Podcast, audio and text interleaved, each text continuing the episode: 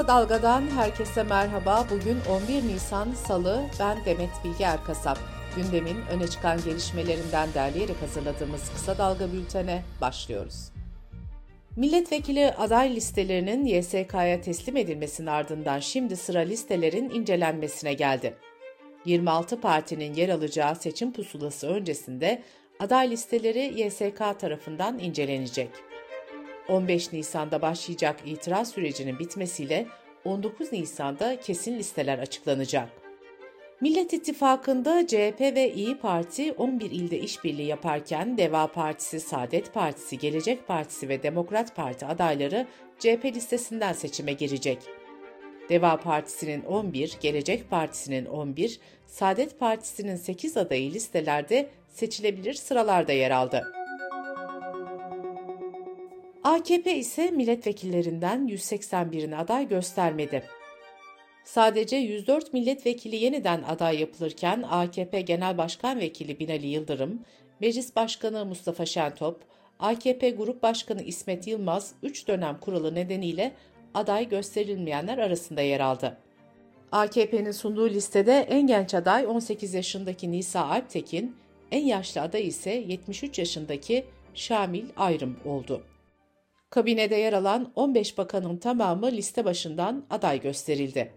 Aday olmama kararı alan Sağlık Bakanı Fahrettin Koca ile Kültür ve Turizm Bakanı Mehmet Ersoy listelerde yer almadı. AKP listelerinde Hüdapar'a 4, DSP'ye 3 kontenjan ayrıldı. Yöneylem Sosyal Araştırmalar Merkezi Genel Koordinatörü Derya Kömürcü, AKP ve MHP'nin YSK'ya sunduğu milletvekili listelerini değerlendirdi.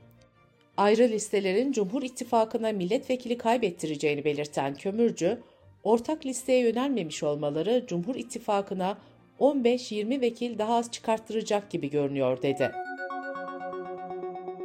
Sonar Araştırma Şirketi'nin başkanı Hakan Bayrakçı ise anketlere ilişkin yorumlarda bulundu. CHP'nin %30'u geçemediğini savunan Bayrakçı, AKP'nin en düşük %33, en yüksek %38 oy aldığını aktardı. Birinci parti AK Parti diyen Bayrakçı, kilit seçmenin ise milliyetçiler olduğunu söyledi. Yeşil Sol Parti'nin İstanbul İl Eş Sözcüsü Mevlüt Ustabaş, kentteki seçim çalışmalarında 7 Haziran havasının hissedildiğini belirterek hedeflerinin 2 milyon oy almak olduğunu belirtti. Türkiye 14 Mayıs seçimlerine giderken HDP hakkında açılan kapatma davasındaki takvim de işliyor. Anayasa Mahkemesi sözlü savunma yapmayacağını açıklayan HDP ile ilgili kararını bugün verecek. Yüksek Mahkeme, HDP'nin susma hakkını kullandığına karar verebileceği gibi savunma için son kez uyarıda da bulunabilir. Saadet Partisi Genel Başkanı Temel Karamollaoğlu 14 Mayıs'ta gerçekleştirilecek seçimler öncesi gündemi değerlendirdi. Memleket Partisi lideri Muharrem İnce'nin adaylığının seçim sürecine zarar verdiğini söyleyen Karamollaoğlu, bu AK Parti'nin işine yarayan bir adım. Aklım almıyor. Böyle bir mantık doğru değil, dedi. Siyasi partilerin YSK'ya gönderdiği listelere göre kadın milletvekili sayısı birçok partide beklenilenin altında kaldı. Listelere göre AKP 4, CHP 11, İyi Parti 6 kadını illerin birinci sırasından aday gösterdi. Yine listelere göre en yüksek kadın aday sayısı Türkiye İşçi Partisi ve Yeşil Sol'da oldu. AKP'nin 600 kişilik listesinde 113 kadına yer verildi. Deva Partisi, Gelecek Partisi, Saadet Partisi ve Demokrat Parti'nin de dahil olduğu CHP listesindeki adayların 153'ünü, ayrı listeyle giren İyi Parti'nin adaylarını ise 145'ini kadınlar oluşturdu.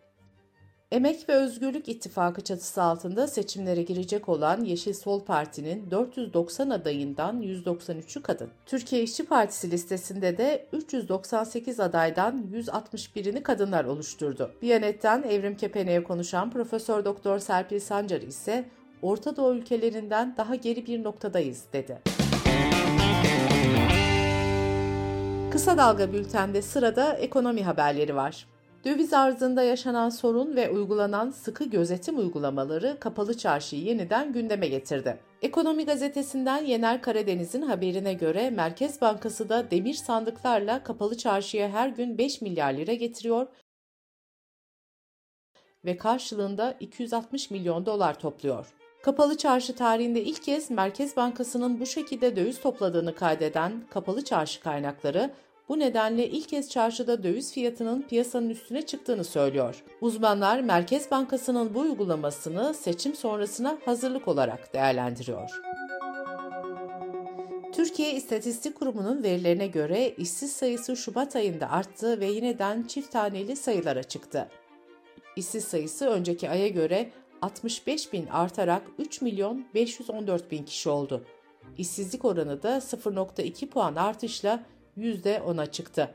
Resmi verilere göre işsizlik artarken Hazine Bakanı Nurettin Nebati ise çalışıyor, üretiyor, ihraç ediyoruz, istihdamımız artıyor, işsizlik azalıyor açıklamasını yaptı. CHP sözcüsü Faik Öztürk ise işsizlik verilerini değerlendirirken işsiz sayısı 8 milyon 941 bin kişiye ulaştı. Bu dünya üzerindeki 98 ülkenin nüfusundan fazla dedi. Merkez Bankası'nın verilerine göre Şubat ayında cari işlemler hesabı beklentilerin üstünde 8.78 milyar dolar açık verdi. Resmi rezervler ise Şubat ayında 4 milyar 677 milyon dolar net azalma kaydetti. Dış politika ve dünyadan gelişmelerle bültenimize devam ediyoruz. ABD'nin Rusya-Ukrayna savaşı, Türkiye, Orta Doğu, Afrika, Çin ve İsrail ile ilgili bir dizi gizli belgesinin sosyal medya mecralarına sızdırılmasının ardından ABD'li yetkililer sızıntının kaynağını araştırıyor. Reuters haber ajansının aktardığına göre bazı uzmanlar belgelerin bir Amerikalı tarafından sızdırılmış olabileceğini söylüyor.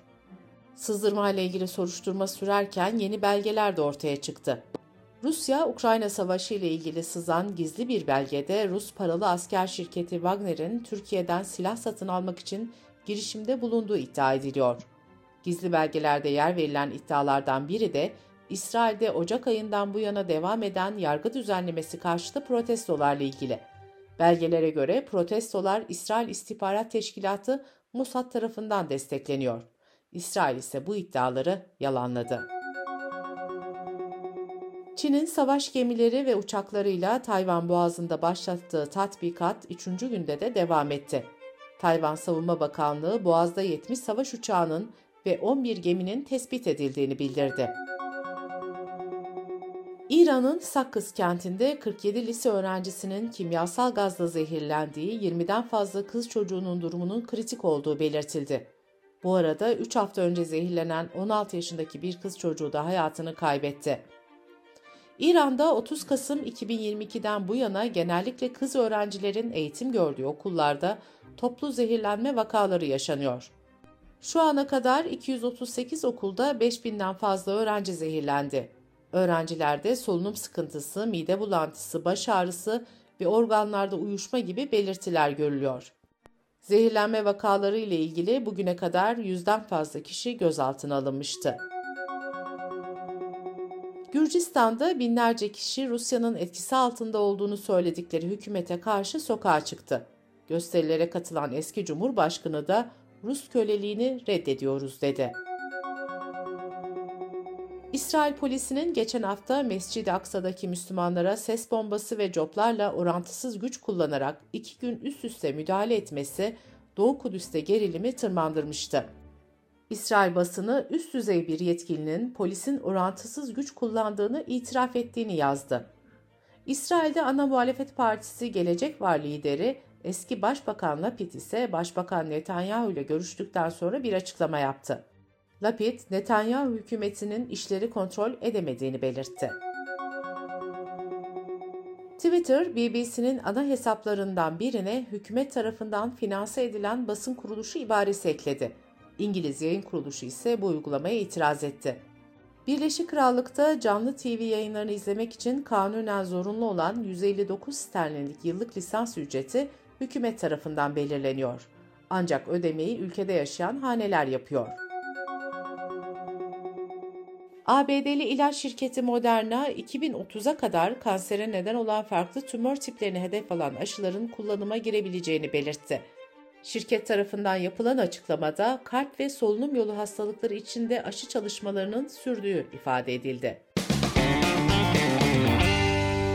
Bültenimizi kısa dalgadan bir öneriyle bitiriyoruz. Gazeteci İbrahim Ekinci bir haftanın ekonomi gündemini değerlendiriyor.